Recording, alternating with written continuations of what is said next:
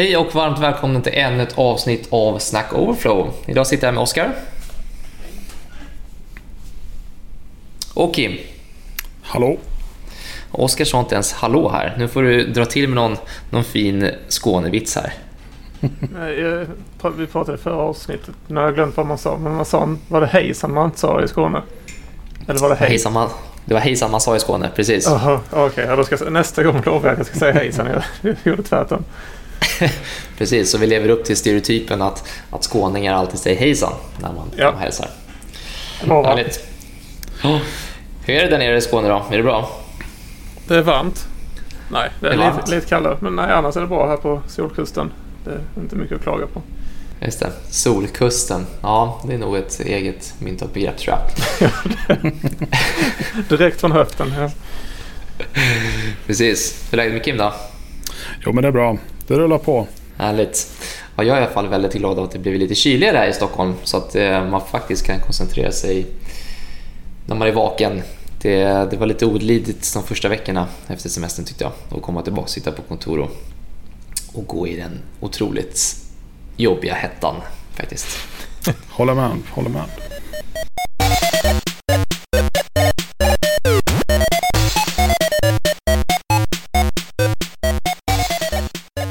Ja men då så, vi kanske ska presentera dagens ämne. Idag ska vi faktiskt snacka om, om ett koncept som vi har snackat lite utifrån, eller utanför det här formatet. Men det är ett koncept som heter Growth Mindset som jag tänkte ehm, att Kim ska få dra lite teori och bakgrund om varför vi snackar om egentligen idag. Ja, vad trevligt. Vad trevligt. Eh, ja, The Growth Mindset hittade jag första gången när jag kollade på YouTube-kanalen Talks at Google. Och då var det en intervju slash presentation med en psykologiprofessor från Stanford som heter Carol Dweck. Och hon har forskat då inom psykologi och eh, bland annat skrivit en bok som heter Mindset, The New Psychology of Success. I den här boken då och även i den här presentationen som hon håller pratar hon om the growth mindset och att personen med ett sådant eh, tror och lever med inställningen att alla har möjligheten att lära och växa. Eh, personer med ett growth mindset fokuserar på inlärning och att vara öppen för utmaningar. Eh, man anstränger sig och man lär sig av andras framgång. Och när, eller om, nej, när någonting går fel så eh, hypotetiskt så är eh, inställningen då, jag var inte helt enkelt redo för den här utmaningen just nu. Och sen accepterade och testade igen. Motsvarigheten till growth mindset då eh, kallar Carol då fixed mindset. Och då eh, utgår det ifrån att man tror att en persons förmåga är begränsad och ofta eh, ens egen förmåga. Och utifrån den, det resonemanget då så eh, tror personer med ett fixed mindset eh, att man konstant behöver bevisa sig eller man känner ett konstant behov av att bevisa sig. Eh, att man undviker utmaningar, att man ger upp när man inte når framgång. Eh, och man känner sig ofta hotad av andra personers framgång. Eh, man är också ganska rädd för att så här, bli dömd utifrån att man inte eh, gör rätt första gången. Att man inte klarar av någonting. Och inte, om man tar, drar, drar det till en extrem då, att är det inte perfekt första gången så är det inte värt att göra. Så hela identiteten kring ett fixed mindset är jag lyckas. Och lyckas inte är inte värd någonting. Eh, och då vill jag bara slänga in att det är inte perfektionism vi pratar om utan det är en helt annan grej. För perfektionism kan det vara med att göra saker i iterationer framåt. Vilket gör att det inte blir den här perfekt första gången eh, känslan. Eh, precis som många andra teorier inom psykologi så eh, argumenterar Carol då för att det här är en produkt av din uppväxt och vilken miljö du växt upp i. Samt vilken miljö du är i just nu. Så det är alltså du din inställning är en, är en produkt av, av din miljö. Eh, och specifikt så tar hon upp ett, ett avsnitt i den här boken då Eh, om barnfostran, om hur du ger feedback till ett barn. Eh, och kanske istället inte för att säga åh vilken fin teckning, du är så duktig. göra på ett annat sätt för att inte prima då barnet. Och det kan ju vara lite sådär. Så det är inte en, en, en teori som är helt utan kritik. Eh, en person kan också ha en mix av både fixed och growth mindset utifrån vilken situation du hamnar i. Eh, och genom att då analysera vilken, eh, eller egentligen analysera hur du eh, hur du beter dig i en, i en viss situation kan du se vilket mindset skiftar jag åt just nu i den här situationen eller i den här, eh, den här upplevelsen. Eh, och som sagt, eftersom det är en psykologisk teori så är den inte oemotsagd. Det finns en viss kritik Framförallt så kommer det eh, kritik från en annan psykologiprofessor fast från University of Edinburgh. Eh, som heter Timothy Bates. Som har många gånger försökt att reproducera eh, den här studien. Eh, men inte lyckats få samma resultat. Hans kollegor har gjort samma sak och misslyckats flera gånger. Eh, och en, eh, ett psykologiskt papper eller white paper, vad den heter, en uppsats eh, från 2019 eh, av David Moreau och Ham och nu ska vi se vad det står. Eh, framförallt eh, Moreau eh, säger att, att överbetona formbarheten hos förmågor och andra egenskaper kan leda till negativa konsekvenser för individer, vetenskap och vårt samhälle. Ja.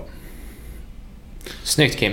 Och det här är ju intressant att diskutera mm, i det här formatet för vi, kom, vi kommer in i, i, i olika team i våra uppdrag hela tiden som konsulter och vi kommer framförallt in i i olika teamkonstellationer och i olika perioder i ett team. Och när jag säger perioder så menar jag vi kan komma in i helt nystartade team, vi kan också komma in i team som har funnits ett, två, tre, x antal år. Och då är det alltid intressant hur den här det teamet har, har format sig, hur de har strukturerat sig och det påverkas alltid av hur länge egentligen teamet har har funnits. För ett team genomgår ju flera faser desto längre tid tiden går och man ska hitta sina roller, man ska utmana varandras roller. Det här kan vi också snacka om i ett helt, helt annat avsnitt men att det är i alla fall intressant att ett team, team förändras under tidens gång. Ehm, I början kan det vara mycket konflikter och till slut så, så hittar man varandra eh, på ett mycket enklare sätt och samarbetar och blir mer trygg med varandra. Så därför vi tänkte att vi skulle diskutera det här ämnet idag. Min första fråga Kim till dig, när de för du fick ju syn på det här egentligen eh, synsättet när du, när du såg på ett tåg på, på Google. Mm. Fick, du, fick du någon insikt hur de faktiskt applicerar och jobbar med det till vardags på Google? Eh, nej, eh, inte eftersom det här var ett intervjuformat så fick jag inte det. Eh, just den här YouTube-kanalen då, Talkset Google, det, det innehåller ju så himla mycket mm. annat också. Så inte vad jag kommer ihåg eh, så fick jag inte någon insikt i det. Eh, tyvärr. Nej, det hade varit väldigt intressant att se. Eh, för det här är ju någonting, men man skulle ju också kunna översätta liksom till, till termer, man, man blir som man umgås såklart. Mm. Eh, grupp, grupptänk och grupppåverkan, vad kallas det? Eh, grupp, eh, Grupptryck. Grupptryck heter det, precis. Mycket sånt ingår ju i det här, liksom, det här eh, tänket att, att tänka. Men jag tänkte att vi ska börja med lite frågor. Um, och så tänkte jag börja med Oskar så att han också får använda sin, sin ljuva stämma här. Kul. Och då, då är första frågan då Oskar, om du kan komma ihåg när du hamnade i en situation som där du utmanade dina förmågor. Och då var egentligen frågan vad din första tanke var. Fanns det oro eller lycka eller, eller sådär? Eh, det händer nog hela tiden. Speciellt eh, mitt nuvarande uppdrag. Jag har pratat om det eh, lite kort i några andra avsnitt också. Men jag tillsammans med en kollega har fått ganska fria händer när det gäller teknikval för att lösa saker. Och vi har valt mycket tekniker och mönster som jag inte alls är bekant med sedan innan. Så, så jag misslyckas hela tiden skulle jag säga. Varje dag misslyckas jag med någonting för att jag ger mig in i saker som jag inte förstår mig på. Och jag skulle vilja säga att det idag har varit en sån dag det känns lite jobbigt liksom för att man inte kanske riktigt känner att man eh, presterar på en nivå som man ska göra när man är konsult. Mm. Eh, men samtidigt så tycker jag ändå det är kul att få nya utmaningar eh, genom eh, uppdraget. Eh, kanske utmaningar som jag inte hade tagit mig an om jag hade fått bestämma helt själv också. Så det var himla nyttigt. Men jag lever lite efter devisen med allt hur svårt kan det vara. Och ibland så är man naiv och ibland så är det inte så väldigt svårt. Men eh, jag skulle säga att det är blandat. Men för det mesta så... Ja, jag vet inte, jag tycker det hjälper inte att ja, gå åt över spilld mjölk. Utan man får fortsätta. Eh, skulle, du känna, så, ja, skulle, skulle du säga att, att, din känsla kring nya utmaningar, ändras den? Eller är den, är den olik om du kommer in i ett helt nytt team eller om du är i ett team efter tre år? I ett helt nytt team då är allting nytt för alla i någon mån. Men jag, om jag jämför mitt, mitt föregående uppdrag som var ett etablerat team som varit igång ett tag med väldigt etablerade roller. Då, då hämnades jag nog mer av det. Alltså att när man misslyckas med saker för att alla eh, andra eh, har så bra koll på allting. Mm. Eh, så där hade det nog, gick det mer, skulle jag säga, det gick mer åt det negativa hållet i det fallet. Precis, man känner sig ofta sämre ja. än vad man är vid tillfället. Absolut. Kim, jag ska låta dig komma in här och svara på den frågan också. Och frågan, frågeställningen var ju om du kunde komma ihåg en, en situation där du behövde utmana dina förmågor och, och egentligen känslan kring den situationen. Jo, men mitt svar är väl, det är väl liknande som Oskar. Det är ju både en del av, av charmen att vara, vara konsult eh, och pusha sig själv och sina förmågor framåt eh, genom att ge sig in i saker som, okej okay, men jag kan inget om det här men eh, jag bygger inte upp min identitet på att jag inte kan det utan vi, vi testar, någon, det, det löser sig liksom. Eh, men om man ska ta på ett, om man ska ta ett exempel där det har varit eh, åt andra hållet så är det ju framförallt, eh, som jag pratat om i tidigare avsnitt, det här med certifieringar. Vad händer om jag inte klarar min certifiering? Hur kommer eh, min självbild i så fall eh, se ut? Hur kommer jag se på mig själv? Hur kommer andra se på mig om jag inte klarar den här, det här provet? Mm. Eh, där eh, var min oro hög att bli dömd över min förmåga, absolut. Men å andra sidan i själva arbetslivet i mitt, i mitt team så känner jag ju väldigt tvärtom. Att ja, men vad kul att testa ny teknik. Eh, vi kommer gå på mycket nitar men vi, vi gör vårt bästa. Vi, vi, liksom, vi, vi lär oss på vägen. Men, eh, och så. Eh. Det är ett väldigt intressant perspektiv. Där. Det, hade vi ju, det hade man ju velat ta in i den diskussion vi hade om certifieringen nu, nu mm. föregående och diskutera sin egen självbild kring, kring fenomenet att, att man plötsligt döms av både sig själv men också av resultatet. Att det hade kunnat bli en väldigt trevlig nyans i det. Mm. Och det kanske är det som är rädslan för många, att plötsligt eh, bli bedömd och inte som många av oss, vi, vi provar ny teknik för att det är kul och vi lär oss otroligt mycket på det. Men så fort det kommer liksom en, en prestation i det, eh, ett resultat, det är då det blir eh, mindre intressant. Faktiskt. Exakt. Jag kan, jag kan också dra en, en liten kort, jag tänkte faktiskt dra en, en liten abrovink till när jag började på Avega. Eh, vi snackade om det igår Kim, faktiskt, eh, som är lite kul att ta det här formatet. Det var när jag började på Avega för fyra år sedan. Då, då var ju du Kim och jag, i, det var du som intervjuade mig. Och då, då kom vi ihåg att ja, men vi hade teknisk intervju och så gick det bra och så tog sig in liksom. Eh, och sådär. Och sen plötsligt så skulle man skriva sin liksom, konsultprofil och allt mm. det här. Eh, och jag, menar, jag hade vad hade jag? Tre, fyra års erfarenhet, något sånt där. Och plötsligt fick jag liksom en, en annan konsults konsultprofil presenterat för mig och det var ju då Kims såklart. Att, och, så, och uppgiften var att ja, men, kolla på Kims konsultprofil och se hur han har gjort och försöka eftersträva det. Och jag menar, Kim vid det här tillfället hade ju liksom 10, 10 plus år redan. Eh, och så skulle jag liksom, det var sida efter sida efter sida efter sida. Och då tänkte jag så här, oj nu, nu har jag nog tagit med vatten över huvudet. Kommer alla vara så här på Avega? Tänkte jag. Är alla så här superseniora? Eh, kommer jag liksom ens kunna bidra med någonting här? Men plötsligt så, så bearbetar man det där lite i huvudet och, liksom, och så tar man den, det perspektivet och omvandlar det till att oh, jäklar vad jag kan lära mig här istället. Nu har jag liksom de mest seniora personerna runt omkring mig. Det här är ju precis här jag ska vara.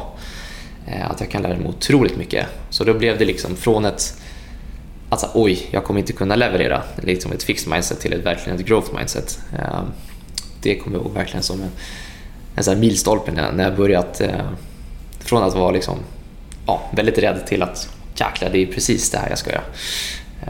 Och lite kul att det var en sån abrovink, speciellt när, vi, när du och jag sitter här Kim. Ja. Jag tänker att vi ska, vi ska fortsätta och gå in lite mer på... på nu, har vi, nu har vi snackat lite kring att konceptet, vi har en teoretisk grund här som vi sitter och snackar om och vi har, vi har snackat om egentligen en, en situation när man både growth mindset och fixed mindset och när vi, när vi kände oss att vi hamnade i, i det mindsetet. Men jag tänkte att vi ska gå på, på den pucken och snacka om misslyckanden. Ja. Ska vi göra. Eh, och då är egentligen frågeställningen, när du misslyckas med något senast och frågeställningen då, hur, hur kändes det? Hur tolkar du felet? Och om man lärde sig något? Och då tänkte jag att Oskar ska få dyka in i den frågeställningen. Eh, ifall jag lärde mig något? Jag, jag misslyckades senast idag som jag sa innan. Eh, Ja, men eh, nu, nu är jag på väg att lösa problemet. Eh, eh, alltså, för det finns inget alternativ att inte lösa det. Så att när jag märker att jag har gjort ett... I detta, i detta fallet så har jag gjort ett teknikval eh, som är fel. Eh, och eh, nu får det lite repressalier så jag måste skriva om ganska mycket grejer som redan fungerat ganska väl fast kommer inte fungera för slutprodukten. Eh, mm. Så jag vet inte, det, det finns inget alternativ för att inte fixa det. det. det klart var lite tungt och jag tog lite snabbare beslut i början på vissa teknikval för att jag ville komma vidare som man gör. Speciellt om man är naiv som jag är och tycker hur svårt kan det vara. Eh, men det, jag, vet, jag, jag försöker bara ta tjuren och hornen så att man tar sig vidare. För sen när man väl löser de problemen så vet man ju om att det, det utlöser någon form av endorfiner när det här tillfället sker. Så man vet ju att det är grönare på andra sidan om man har varit med ett tag. Mm. Eh, men nu, nu, har jag jobbat några år. Eh, eh, men hade man varit ny, om man drar den parallellen, då om man inte vet vad som... Alltså att det, saker löser sig. Det gör det alltid. Det är bara en fråga om pengar i slutändan. Liksom hur mycket tid man investerar i det. Men då hade jag nog tyckt det var tuffare. Som en parallell till... Jag kände exakt likadant som det du beskrev innan när man var första dagen jag var konsult ute på fältet. Eh, då var jag också riktigt nervös och visste inte riktigt ifall jag passade in eller... Eh. Och då har jag nog tyckt det var tuffare att stöta på ett sådant problem som jag har gjort nu de sista dagarna. Jag vet inte riktigt hur... Jag vet inte om jag har ett bra svar på hur jag tar mig igenom det. Men jag låter mig inte grotta ner i det. Slutar man trampa så trillar man så man måste fortsätta cykla på något sätt. Det är väl, det är väl mitt tillvägagångssätt. Sen vet jag inte om det finns något mer akademiskt sätt att uttrycka det tillvägagångssättet på. Och det är ju rätt intressant här tycker jag, om jag ska släppa in Kim snart, men det är ju rätt intressant att vi, vi alla är ju båda, eller alla vi tre är inne här för att vi, när vi är juniorer så har vi ett väldigt liksom fixed mindset, att vi, vi är rädda för att misslyckas till att plötsligt bli, bli helt öppen. Så här, ja, det löser sig, det, det fixar sig. Vi, vi lär oss på vägen eh, och det är bara att ta hjälp. Till att plötsligt hamna, jag tycker att det, det blir som en kurva, att vi går från fix till growth till fix, tycker jag oftast. Och vi ska komma in på det lite senare, men speciellt i grupperingen som man sitter under mm. längre tid tycker jag absolut man kan, man kan se den tendensen att först är allt grönt, eller först är allt omöjligt, sen så kommer man över de barriärerna och allt är supertoppen löser utmaningar där och sen plötsligt så, så sitter man still. Man, man kommer ingenstans. Ehm, och det blir ett grupptänk av det och det blir... Det blir eh, jag kan oftast känna att man, man, man hamnar i, i ledaren i gruppens tänk oftast. Att man följer ledaren och det, det är ju naturliga skäl såklart. Men att det, det är där det avgörs så att man om man fastnar eller kommer vidare. Men jag ska släppa in dig Kim och få snacka om lite mm. misslyckanden och eh, kanske dra något exempel på eh, vad du har och hur det kändes. Var ska jag börja någonstans? Vilket av misslyckanden ska jag ta? Det roligaste? Nej, det roligaste? Uh, ja, de, de är inte roliga. Uh, för om jag kommer ihåg är ju inte roliga. Helt enkelt. Men uh, det är väl lite som, liksom, det är väl en del av, av, av vår vardag. Att vi, liksom, vi misslyckas hela tiden. Vissa saker är större, vissa är mindre. Men den, det, det som är top of mind. Eh, det var också för, det var för några veckor sedan. Eh, jag inser att nu har vi suttit och utvecklat här ett halvår på ett nytt API. Vi har missat en fundamental grej. Det är en fundamental förändring vi måste göra. Eh, vilket betyder att okej, okay, vi kanske behöver skriva om hela API. Allting som vi har gjort hittills eh, faller eftersom vi inte har den här, den här featuren. Eh, eller det, det, handlar egentligen om hur vi connectar data. Mm. Vi, har, vi utgick ifrån att det var one-to-many relationships men det är many-to-many-to-many relationships. Och det förändrar ganska mycket. Eh, och att jag tar upp det som, som ett misslyckande för mig är för att det är jag som har skrivit koden. Vi har pratat om det förut med utmaningar i teamet och så vidare. Men, och, och den som har lyssnat på de avsnitten kanske kommer ihåg att jag någon gång har nämnt att vi, eh, vi är några få som har gjort ganska mycket av arbetet i, i vårt team. Eh, av olika anledningar. Mm. Så därför så tog jag initialt på mig då misslyckandet att vi har misslyckats med den här fundamentala eh, mappningen av data. Vi har inte förstått hur datastrukturen ser ut ifrån eh, vårt eh, source-system och vi har inte förstått hur datan är modellerad på det sättet så de kan läsa tillbaka den. Då kändes det riktigt skit. Då kändes det verkligen som att vänta nu, min, hela min identitet bygger på det här. Så i det här läget så hade jag ett väldigt tydligt fixed mindset. Eh, däremot så lyckades jag faktiskt vända det här och då sa jag okej okay, men jag måste ju lära mig nu hur datat egentligen är strukturerat. Och det var ju kul. Att lära sig det. Men det var någonting som också hjälpte mig var ju att inse att okej okay, men jag tar på mig hela ansvaret nu för att jag har skrivit koden. Men det är ju andra personer som också har varit inblandade i det här. Framförallt personer från eh, det systemet som vi integrerar mot. Ingen har sagt någonting om det här. Ingen har gjort någonting. Eh, så det är inte bara jag som är to blame här. Utan det är vi är många. Vi är många som äger ansvaret för att lösa det här. Eh, och där tycker jag att jag lärde mig ytterligare någonting. Att gå tillbaka och kolla på diskussioner man har haft. Eh, beslut man har tagit. Vem är det som har tagit det här beslutet? Inte i någon form av blame game utan mer vad vad beslutades och vem tog beslutet? Och då kanske det också kommer lite som du var inne på där med ledare, grupptänk och så vidare. Vem det är som tar de besluten och vad får det för konsekvenser?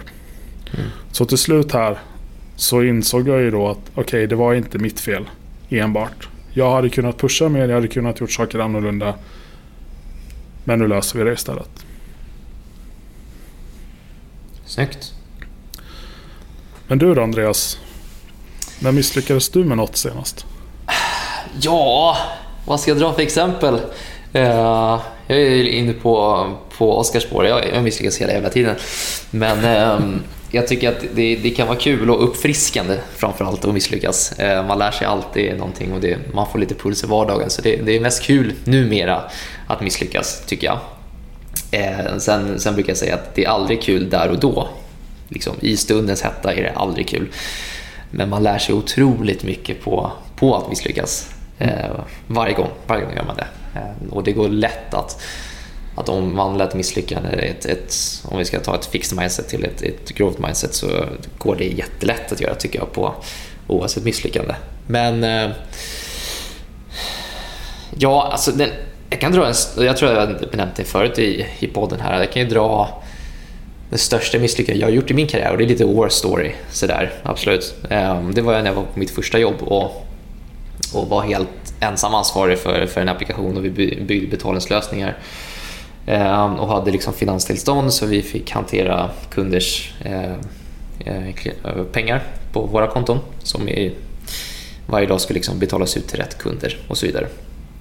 Och då kom jag ihåg att det, det, var sommar och det skulle bara göras liksom en, en daglig avstämning och så skulle pengarna ut till, till kundernas konton. Eh, och då gör man ju avstämningsfiler mellan bank och våra system och fram och tillbaks. För att banken ska ju stämma av mot våra system vad som är betalt och inbetalt och utbetalt. Eh, och då såklart att då, då hade inte jag koll riktigt på flödet och gjorde den här avstämningen fel såklart. Och det, det uppmärksammades först liksom två veckor senare. Och då menar jag, då är pengarna liksom redan utbetalda, eh, bokföringen blir fel, kunderna har fått fel pengar och, och allt sånt där. Eh, och det kommer jag ihåg, det var den värsta, värsta liksom incidenten jag har jag känt. Då, då liksom tänkte jag så här, ah, ja, ja men det här är en sån incident jag kommer få sparken av. Liksom. Det här är ju, det är ju så allvarligt. Ehm, det, är inte, det var ju inte liksom eh, beloppet i sig som var problemet utan att det har hänt och följt felen som var, som var problemet. Men då, kom jag, då fick jag liksom, ja, det är det tråkiga historien, min chef fick ju såklart rycka in på semestern och fixa upp det där. Det var ju han som hade koll på det där. Jag hade inte kunskap på den tiden och försöka, eller fixa det liksom. Men jag kommer ihåg då att jag blev inringd till min chef och liksom vdn av företaget, det var ett rätt litet företag. Eh, och båda var jätterutinerade på på allt det här liksom. Eh, och tänkte så ah, ja det här är eh, go no go möte för mig om jag får stanna eller inte. Eh, liksom. så, ja, här, kommer min, här kommer min framtid avgöras. Ska jag stanna eller ska jag försvinna på något vackert vis? Mm. Eh, och så kommer jag in där i, i det här mötet och, och de sätter sig ner och liksom, så här, ja, vad är det som har hänt? Liksom? Vad, vad kunde vi gjort för att inte det här skulle ha hänt? Eh, och så pratar vi igenom det. Och då plötsligt så gick man liksom från ett helt fixed mindset till att det här är det värsta jag någonsin gjort, som det i och för sig var mm. jobbmässigt, till att ja, hur ser vi till att det inte händer igen egentligen? Eh, och vad, vad, behöver du liksom, för att du inte ska göra om det här? Eh, så det var jättebra. Eh, och bara den liksom, diskussionen gjorde så att man kunde liksom omvandla det här misslyckandet till ett verkligen eh, ja, till ett mindset där man säger, ah, ja, men nu har jag lärt mig någonting, jag förstår det nu. Eh, och så tänker man en extra gång när man gör saker. Eh, så det är absolut en... mm den största oron jag har känt i kroppen. Jag var orolig i flera veckor. Alltså det var, var en hemsk känsla. Eh, och sen liksom, när man kommer numera till jobb och, och gör fel, liksom, då, då får man inte den här känslan längre, tycker jag. Det är så här, som Oskar sa, ah, ja, det, man har pajat någonting. Eh, det fixar sig. Det är bara att lösa mm. det. Det är egentligen det det är. Det är bara att lösa det. Eh, det är inte svårare än så. Sen att det kostar pengar ibland, ja, så, så får det vara liksom. Men vi är ju människor. Um... Ja, men just den delen är, det är en sån... Det, det är, en, det är kanske ett ämne för en annan podcast, men just det här hur säkerställer man i en sån situation som du berättar nu nummer ett, varför går det att göra fel? Varför finns inte rätt guardrails för att det, det, det ska vara liksom idiot proof? Mm. Alltså Precis. på riktigt när det är en sån sak. Och det, det är som sagt det, det kanske är ett ämne för en annan podcast och en annan diskussion. Men eh, jag brukar ofta reagera på det att här, det ska vara svårt att göra, göra fel. Det ska vara lätt att göra rätt. Liksom. Yep.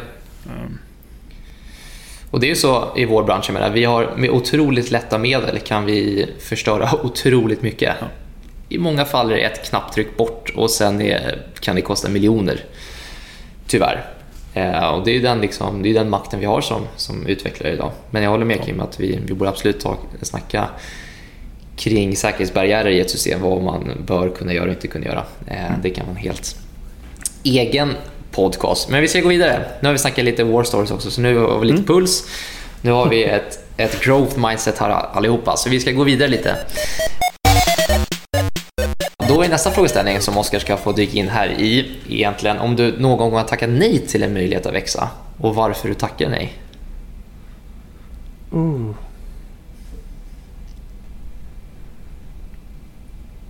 bra fråga. Blev helt ställd. Uh, det tror jag faktiskt inte att jag har. Uh, nej, jag, jag, kan inte... Det låter jättepretentiöst men jag, uh, jag, jag, jag är en person, om man tar min historia här på Avega så har alltid när den blivit så här, jag, trött, jag har historiskt sett tröttnat på uppdrag ganska snabbt för att jag vill, jag, när jag tycker att jag stagnerar utvecklingskurvan så byter jag gärna uppdrag. Och, mm. eh, så jag slänger mig gärna på nya utmaningar för annars tröttnar jag. Eh, så, så, jag är en sån person som välkomnar förändring och eh, utmaningar. Nu säljer jag mig själv här. Ni hittar mig på LinkedIn. Eh, men nej, jag, jag, jag gillar utmaningar.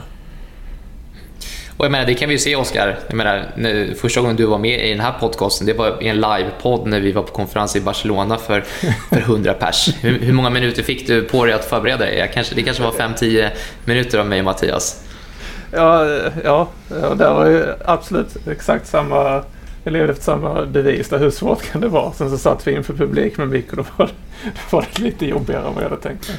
Men äh, äh, nu tycker jag det flyter på bättre. Sen när man har, där misslyckades med ganska många grejer. Äh, om man tar det som ett exempel. Jag, du Mattias satt och knuffade mig framåt för jag skulle sitta närmare micken hela tiden. Men det misslyckades med ett helt avsnitt så jag lutade mig tillbaka på stolen och ja, nästan trillade av stolen. Men ja, nej, det, jag jag tycker om utmaningar. Så jag brukar tacka ja till dem för att svara på din originalfråga. Mm. Ja, men jag tycker att det är, det är ett perfekt exempel där med podden när du började, liksom, att du, du bara kastas in i, i det. Eh, och att det, är lite, det kan vara lite jobbigt där och då, men det, du tackar ja ändå. Och sen så plötsligt så, nu är du ju, nu är du stående eh, gäst här i, i podden och kör. Institution. Exakt. Hur svårt kan det vara? Och det, ja. det är faktiskt viktigt att tänka på att det, det är inte så svårt. Det är ju bara den där rädslan i, i huvudet man ska komma över och sen så, sen så kör man. Men Kim, du då? Har du någon, någon tackat nej till en möjlighet som du kan komma på? Uh, ja, det har jag säkert gjort. Uh, ingen tyvärr top of mind. Uh, men vissa saker har jag tackat ja till och sen insett att nej, det här var inte riktigt för mig. Mm. utan att ge några vidare exempel för leva i ovisshet här. Eh, men eh, jag brukar väl också tänka lite som Oskar att ja, men vi testar och ser hur det går. Eh, går det åt skogen så går det åt skogen helt enkelt. Mm. Sen kanske, man har, sen kanske man har tackat nej till någon, någon möjlighet där man inte har sett potentialen i att växa. Absolut. Eller sett möjlighet att växa fast åt fel håll än var du, vart jag har varit just nu i livet. Eller i min karriär eller vad som helst. Mm.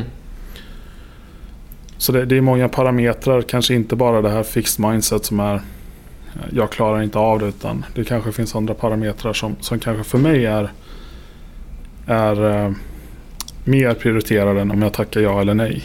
Eh. Absolut.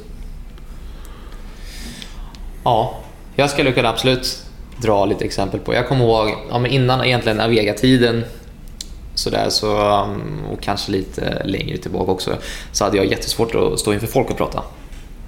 Det var, det var liksom såhär, om någon skulle fråga mig, ställ inför den här lilla publiken, det kan vara en person eller det kan vara 10 eller 100 personer, det spelade ingen roll. Det var, det var lika läskigt eh, för mig. Men så vet jag inte, jag, jag är lite, lite inne på Oscar att så här, jag gjorde det, men jag mådde piss då, på den tiden. Eh, och till slut så blev det ju mindre jobbigt, kommer jag ihåg.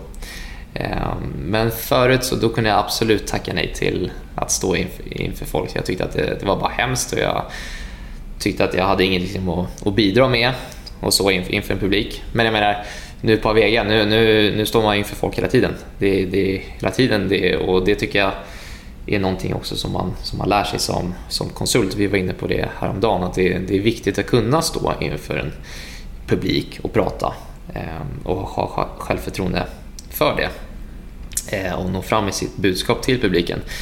Jag menar, det var inte så länge sedan som du och jag ska stå på scen inför 60 pers på, på en, liksom en extern konferens och, och höll snack. Eh, Då var jag också nervös. Och, Oj, vad nervös jag var. jag tvingade dig till att skriva manus för jag ville veta exakt vad jag skulle säga. Sen så slutade det till, eh, ja, efter, efter några dialoger vi hade haft på scenen så slutade jag använda manus i princip. Så det var samma Ja. sak där. Eh, jag var helt svettig vid ryggen när vi skulle upp eh, de första sekunderna. Och, och Men sen så släpper du. Ja, ja absolut. Det är det som, det, är det som är, det, är det fina. Eh, men det är väl liksom ett exempel på att, på att liksom inte kunna stå inför publik alls till att plötsligt ha stått inför hundratals människor på, både på Avega men också på andra, andra forum och tycka att det, det är rätt, rätt härligt med kicken man får. Ehm, men som du sa Oskar, man är oftast lite, lite nervös. Men så länge man bara tänker på att vad kan hända? Och så kör man. Ehm, så att man inte får det där fixed mindset. Men nu ska vi inte fastna i det. Vi ska gå vidare lite här ehm, och egentligen snacka om det som jag tycker är mest intressant i den här diskussionen. Och det är ju det som vi benämnde i början. Vi snackade om fixed mindset och vi kom in lite på ledarspåret. Att har man en ledare i grupp så är det lätt att gruppen tar rygg på ledaren och hamnar i samma tankebanor som ledaren. På gott och ont såklart. Men jag tänkte att vi skulle snacka lite om det. Och då ska faktiskt Kim få börja den här gången. Om du har något exempel på när grupptänk egentligen drivs. Eh, ja, när grupptänket har drivit ett beslut i, i ett uppdrag eller projekt eller sådär. Eh, ja. Eh, I det här, mitt case så var väl den informella ledaren någon som egentligen hade mest domänkunskap. Så det, det här är en, en liten war story då. Eh, vi hade ett system som, okej det flödade ganska mycket meddelanden fram och tillbaka. Eh, vi hade en process eh, via en, ja, men, en saga. Så vi hade olika, olika steg som var tvungna att köras för att du skulle kunna eh, Ja, det började med en försäljning och sen skulle det sluta i en, en artefakt då, av något, på något sätt. Och Det var många system inblandade, bland annat, bland annat eh, invoicing-system, eh, kundsystem eh, och då det här systemet som, som genererar artefakten. Eh, I det här fallet så var det Det var ganska komplicerat. Eh, vi försökte hålla det ganska lean, ganska simpelt flöde från, från vårt håll för att vi skulle kunna då beta av alla steg som vi var tvungna att göra för att, för att gå från A till B. Eh, den här ledaren då eh, den och dess team implementerar nya lösningar för egentligen att, att eh, eh, generera betalningar. Eh, eller egentligen underlag för, för inbetalningar, alltså fakturor och sånt. Eh, som vi skulle implementera. Samtidigt så implementerar ett annat team en helt ny lösning i hur vi skapar kunder och så vidare. Eh, och den processen var helt asynkron. Eh, vi körde ett Fire Forget-anrop eh, till deras deras tjänst och sen skulle vi få tillbaka ett event när de var klara med sin grej. För de var tvungna att aggregera så himla mycket data på sitt håll för, för att ge oss rätt, rätt kund. Då. Så i det här fallet så blev det ganska komplext att i vissa fall måste vårt faktureringssystem ha kunddata som inte vi har. För att kund, kundsystemet kommer i en senare process Eh, och den processen kan ta väldigt lång tid för att det kanske är eh, myndighetsdata som måste hämtas för vissa olika typer av, av vad du säljer.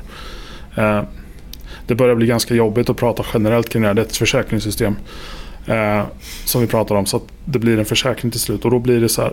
Kollar man utifrån den domänen så kan du försäkra så pass mycket olika saker. Så att du måste hämta saker från externa system för att du ska kunna bygga upp en, en, en kund och du ska kunna bygga upp en hel kundbild. Och även få då rätt, rätt rabatter och så vidare. Så det, det är väldigt mycket system som är i rörelse när, någon, när du köper en, en försäkring på det här bolaget. Eh, men i det här då så skulle du ha en viss typ av, av eh, betalning. Och du var tvungen att ha kunddata. Vilket vi inte hade. Eh, vi lyfte det här flera gånger att vi vet inte, vi vet inte den här datan den här, i det här fallet, vi vet inte den här datan i det här fallet. Eh, det fanns en lösning som kundsystemet la fram. Eh, att de faktureringssystemet skulle lyssna då på deras event istället och gå den vägen istället för via oss. Men gång på gång så hamnade problemet hos oss. Eh, det blev inte så bra. För det blir väldigt mycket någonting som skulle vara ganska självgående. En ganska stor process med sagas och orkestreringar i bakgrunden. Asynkrona, asynkrona meddelanden och så vidare framåt. Eventual consistency och så vidare. Blev vi måste gå in i systemet på daglig basis och skicka om meddelanden. Vi måste Mm. skicka om requests. Vi måste göra manuella saker i vår applikation för att det här ska gå hem. Eh, så i det här så kunde så resultatet blev som sagt det blev inte så bra. Eh, vi försökte oliktänkande. Eh, försökte framföra vår synpunkt och eh, liksom lyfta då problem, problematiken kring det. Men den informella ledaren i det här fallet då hade redan tagit beslut och resten av gruppen följde med den. Ehm, så det blev inte så bra. Ja, spännande. Och var det då en person som hade liksom den auktoriteten att bestämma och liksom inte kunde vika eller vågade inte utmana den här auktoriteten? Eller vad var liksom grundorsaken till att inte era röster hördes? Eh, det var ingen så positionell auktoritet. Utan det var mer auktoritet ifrån domänkunskap. Att Mm. den här personen kan, kan faktureringsdelen bra. Eh, de säger att det ska vara så här. Så vi ska göra så. Eh, så det blev liksom eh, informell led, domänledare via proxy. För i den här konstellationen det var en speciell taskforce för att liksom vi måste göra vissa saker för att få det att, för att få saker att lira och komma framåt. Den, den, den klassiska så här, det går för långsamt, vi måste accelerera. Så vi, gör en, vi, skapar en taskforce, vi ska lösa det här och vi ska lösa det på det här sättet. Ja. Mm. Ja. Ja, och det är ju spännande det där. Men det här skulle man kunna sitta timmar och prata om liksom, organisation, teamstruktur och utmana hela tiden och när man inte ska utmana etc. Det, det är alltid det svåraste. Och det Ja. faller ju in lite tycker jag i, i att vi oftast har dålig kommunikation i teamet. Exakt. Mm.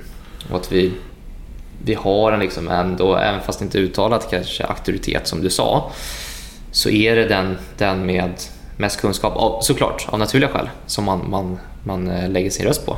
eh, Mm. Och, bara, och följer blint i många fall. Men blir det jag det inte finns en mycket. typ av team mindset där? Även om det var en person som prompt envisades på ett sätt. Alltså jag jämförde med den historien som Andreas berättade innan. Eh, Med eh, efter det gått fel så hade ni ett retrospektiv. Och vad gick fel? Vad gör vi för Mm. att förhindra det? Mm.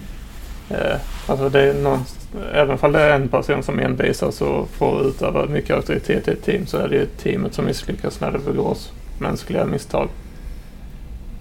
Vi har pratat om liksom mindset för individen men beroende, det kan ju präglas något enormt av. Om det finns något begrepp för det vet jag inte men liksom teamets mindset. Eh, Mm. För jag har varit i team även om alla har varit duktiga och jag tänker som jag brukar göra. Hur svårt kan det vara? Så har jag ändå hämnats av att så fort det begås ett misstag. Och jag skulle säga att nästan alla men misstag i det vi sysslar med är mänskliga misstag i någon form.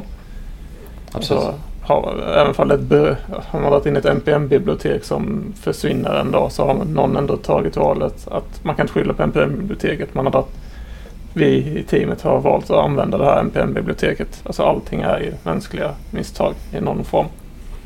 Och för, Så hur man bemöter det där då, det måste ju ändå vara något mindset. För jag har varit i många team där det blir som häxjakt när någonting, ett fel begås.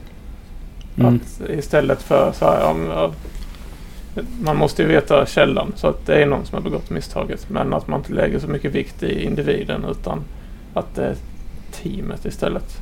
För Mm. kommer man underfund med att det är vi som har misslyckats. Oavsett, alltså för det är ju varierade begåvningar i alla team. Det är kommer man underfund med att det är vi som har misslyckats och inte liksom kör den här häxjakten och låter den ta för mycket andrum. Då tror jag man kan hantera misslyckanden bättre. För det är inte om utan det är när som vi har sagt många gånger. Eh, och undvika den här förbannade häxjakten för det är extremt kontraproduktivt. Mm. Det kanske inte är oh ja. kontraproduktivt de första gångerna för att man vill lösa, man, man, har, man har väldigt eh, branta affärsmål man ska uppnå som i ditt fall Hakim, man måste röra sig snabbt framåt. Man gör de här ad hoc-lösningarna som du beskrev. Vi måste röra oss framåt snabbt. Men sen så fortsätter man med den här kontraproduktiva snurren. Mm. Nå någonstans måste man bara stanna och ta lite helikopterperspektiv också och söka hur löser vi detta tror jag. Det, det, var den, det var den taken jag tog på det du beskrev Kim i alla fall. Och där kan, man ju, där kan man absolut lyssna in på, vi har ju ett poddavsnitt om vad som gör ett bra team till ett bra team. Eh, där snackar mm. vi just kring de här utmaningarna, att, att stå enat som ett team. Att det, det, är en leverans ett team gör, det är inte en leverans en person gör. Exakt. Eh, och det betyder ju att ja, men i, i We win together, we lose together. Det, det handlar ju om att det, det är en leverans. Det spelar väl ingen roll vem som har gjort fel, utan då är det, då är det alla som har misslyckats egentligen. Ja. För det är leveransen utåt som är viktigt. Ett facit. Exakt. Precis. Och jag tänkte att vi skulle faktiskt brygga lite där. Nu har vi snackat growth mindset, fixed mindset, men det finns ju också någonting som jag brukar i alla fall efterleva och det går in i det här och det kallas ju beginners mindset. Just det. Och det här, det här kommer ju alla på, i alla fall alla på Avega känna igen. Vi, vi har ju vår, vår favorit Claes Hallberg som har skrivit och föreläst en del för oss. Eh, som absolut jag rekommenderar att läsa hans böcker. Och eh, ja, få lite humor på köpet kan man ju milt sagt säga. Eh, ja, så, galen man. ja, så uh, kolla på han, läs på han. Men vi ska snacka lite beginners mindset och det, det handlar egentligen om att nu skulle ju Claes här, själva här och, och snacka om det här, men jag ska försöka eh, bara ge lite teori kring det här. Det handlar om att i, när man är väldigt nytt, ny för någonting så är ens perspektiv väldigt brett. Och när man är väldigt duktig på någonting så är ett synsätt, synsätt väldigt snävt plötsligt. Så det betyder med andra ord att när man är ny så finns det hundratusentals olika lösningar på ett problem. När man är väldigt senior på någonting så finns det bara tio lösningar till exempel. Och där tyckte jag att vi, vi kan snacka lite, lite kring och se om det är någon som har något exempel på det här. Jag tror att vi alla snör oss in, och, in oss på det här varje dag. Eh, jag tycker att det jag tycker när man bara lär sig en teknik så blir man väldigt fast på att det ska lösas på X. Alltså på det här sättet ska det lösas. Och i, i många fall så kan det bli religionskrig plötsligt. Eh, för att det finns inget, inget annat sätt. Eh, så jag tänkte Kim, om du har något bara konkret exempel på när du har hamnat i, det kan vara åt båda hållen eh, såklart att beginners mindset när, när du har varit ny till någonting eller så kan du dra något exempel på när du har varit väldigt duktig på det och väldigt snäv. Ja, men vi, vi håller på med ett litet sidoprojekt, jag och en av våra kollegor här.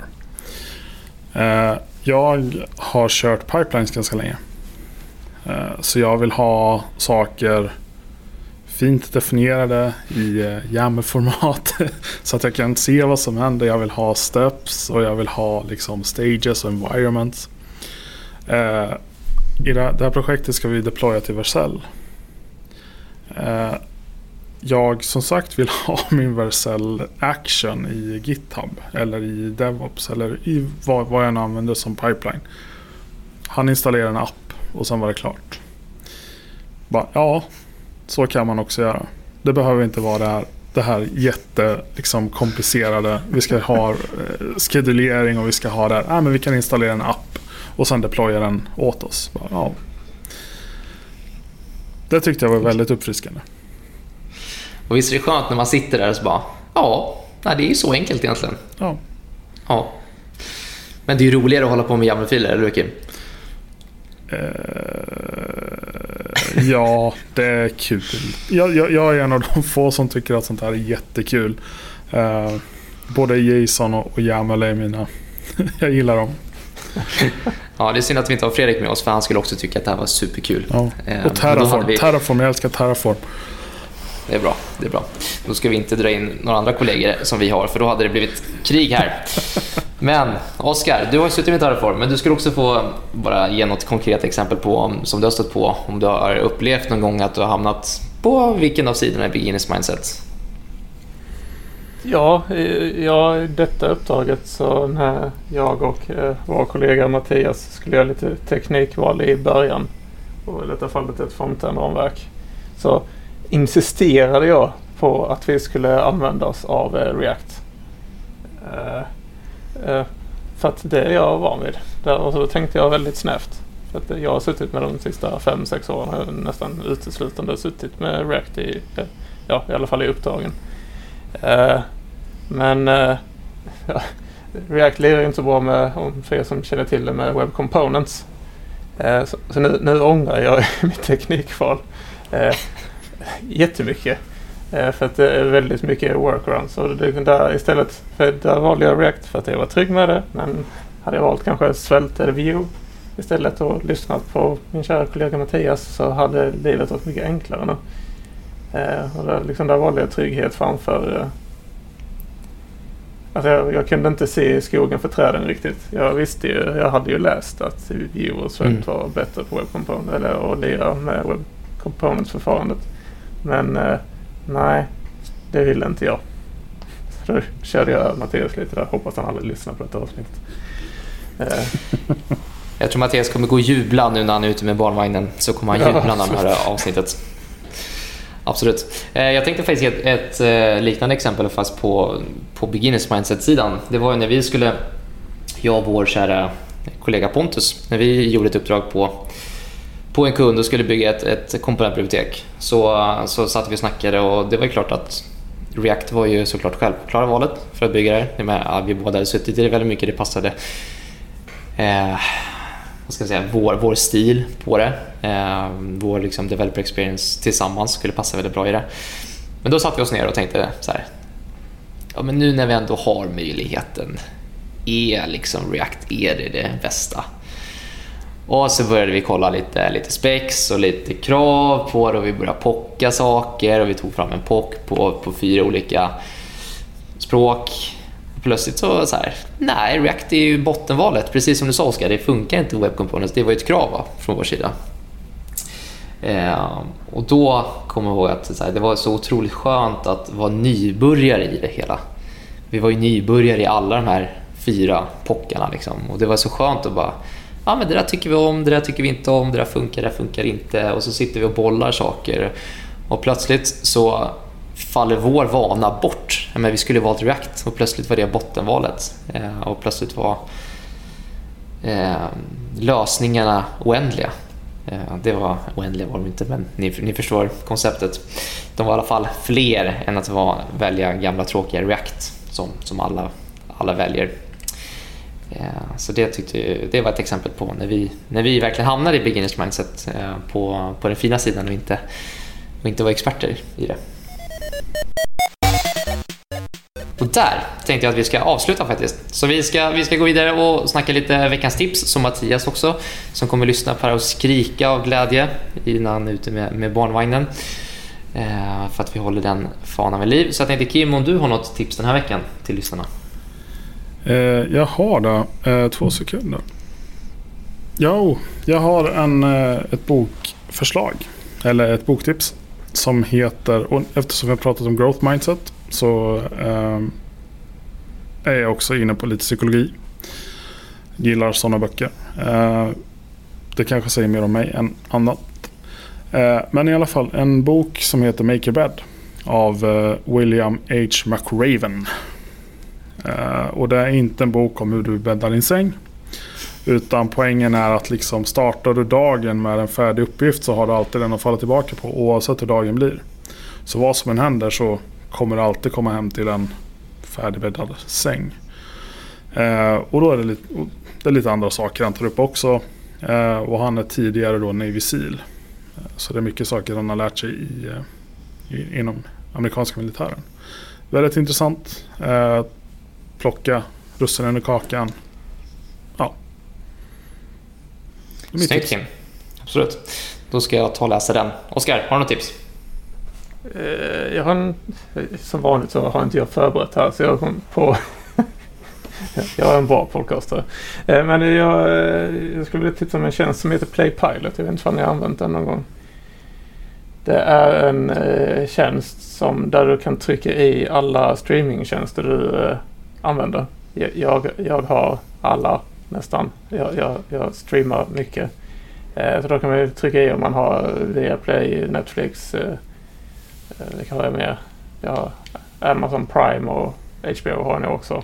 Sen har jag någon, jag, jag lägger väldigt mycket pengar varje månad på streamingtjänster. så det. Men då kan man trycka i alla tjänster man har disponibla i den här tjänsten och så gör den ett förslag, och, förslag på saker du ska titta på. Istället för att sitta och scrolla igenom alla tjänster så, så den kopplad även SVT Play och sånt. Så att man får bra förslag och så kan man göra lite filtreringar beroende på IMDB-resultat och så här och årtal lite snyggt. Eh, det har räddat mina filmkvällar ganska många gånger. För annars är det ganska jobbigt att scrolla runt i alla tjänster tycker jag. Så den har eh, satt lite guldkant på tillvaron i mitt streamande. Snyggt Oskar. Ja, vad har jag för tips? Jag, jag, skulle vilja faktiskt tipsa, eller en bryggning på det du sa Kim och, och faktiskt tipsa om en bok. Jag tror faktiskt att jag tipsade om den förut, då får någon slå mig på fingrarna där. Men jag läser lite långsamt. Så jag skulle rekommendera en, en bok som heter The Power of Habit. Som handlar om att allt vi människor gör är uppbyggt utifrån rutiner. Att vi kan, liksom, vi kan få otroligt mycket kraft ifrån rutiner och, och får vi in rätt rutiner så kan vi göra vad som helst. Och det är rätt intressant i den boken. De har, de har en kille som, eh, som har eh, vad minnesförlust. Så han, han har väldigt korttidsminne. Eh, han kan liksom inte komma ihåg vad han gör. Han har, han har någon sjukdom som jag inte kommer ihåg nu vad det är. Eh, men hela hans, hela hans vardag är uppbyggd utifrån rutiner. Han, han har så svår minnesförlust så han kan inte sitta i sitt eget hus och peka på vilken av dörrarna som är köket till exempel. Eller vart är toaletten? Vart är sovrummet? Men om man vänder på det istället och säger kan du, vill du ha en jordnötssmörsmacka? Liksom, vill du ha macka? Då vet han exakt vart han ska gå. Så de bygger upp en, liksom, en hel studie på hans beteenden. Eh, och det är rätt fantastiskt att eh, beteenden funkar så pass avancerat att han kommer inte ihåg någonting, han vet inte vem han är, han vet ingenting. Men han har mer de gamla rutinerna från innan han fick den här svåra minnesförlusten. Eh, och funkar ja, helt normalt.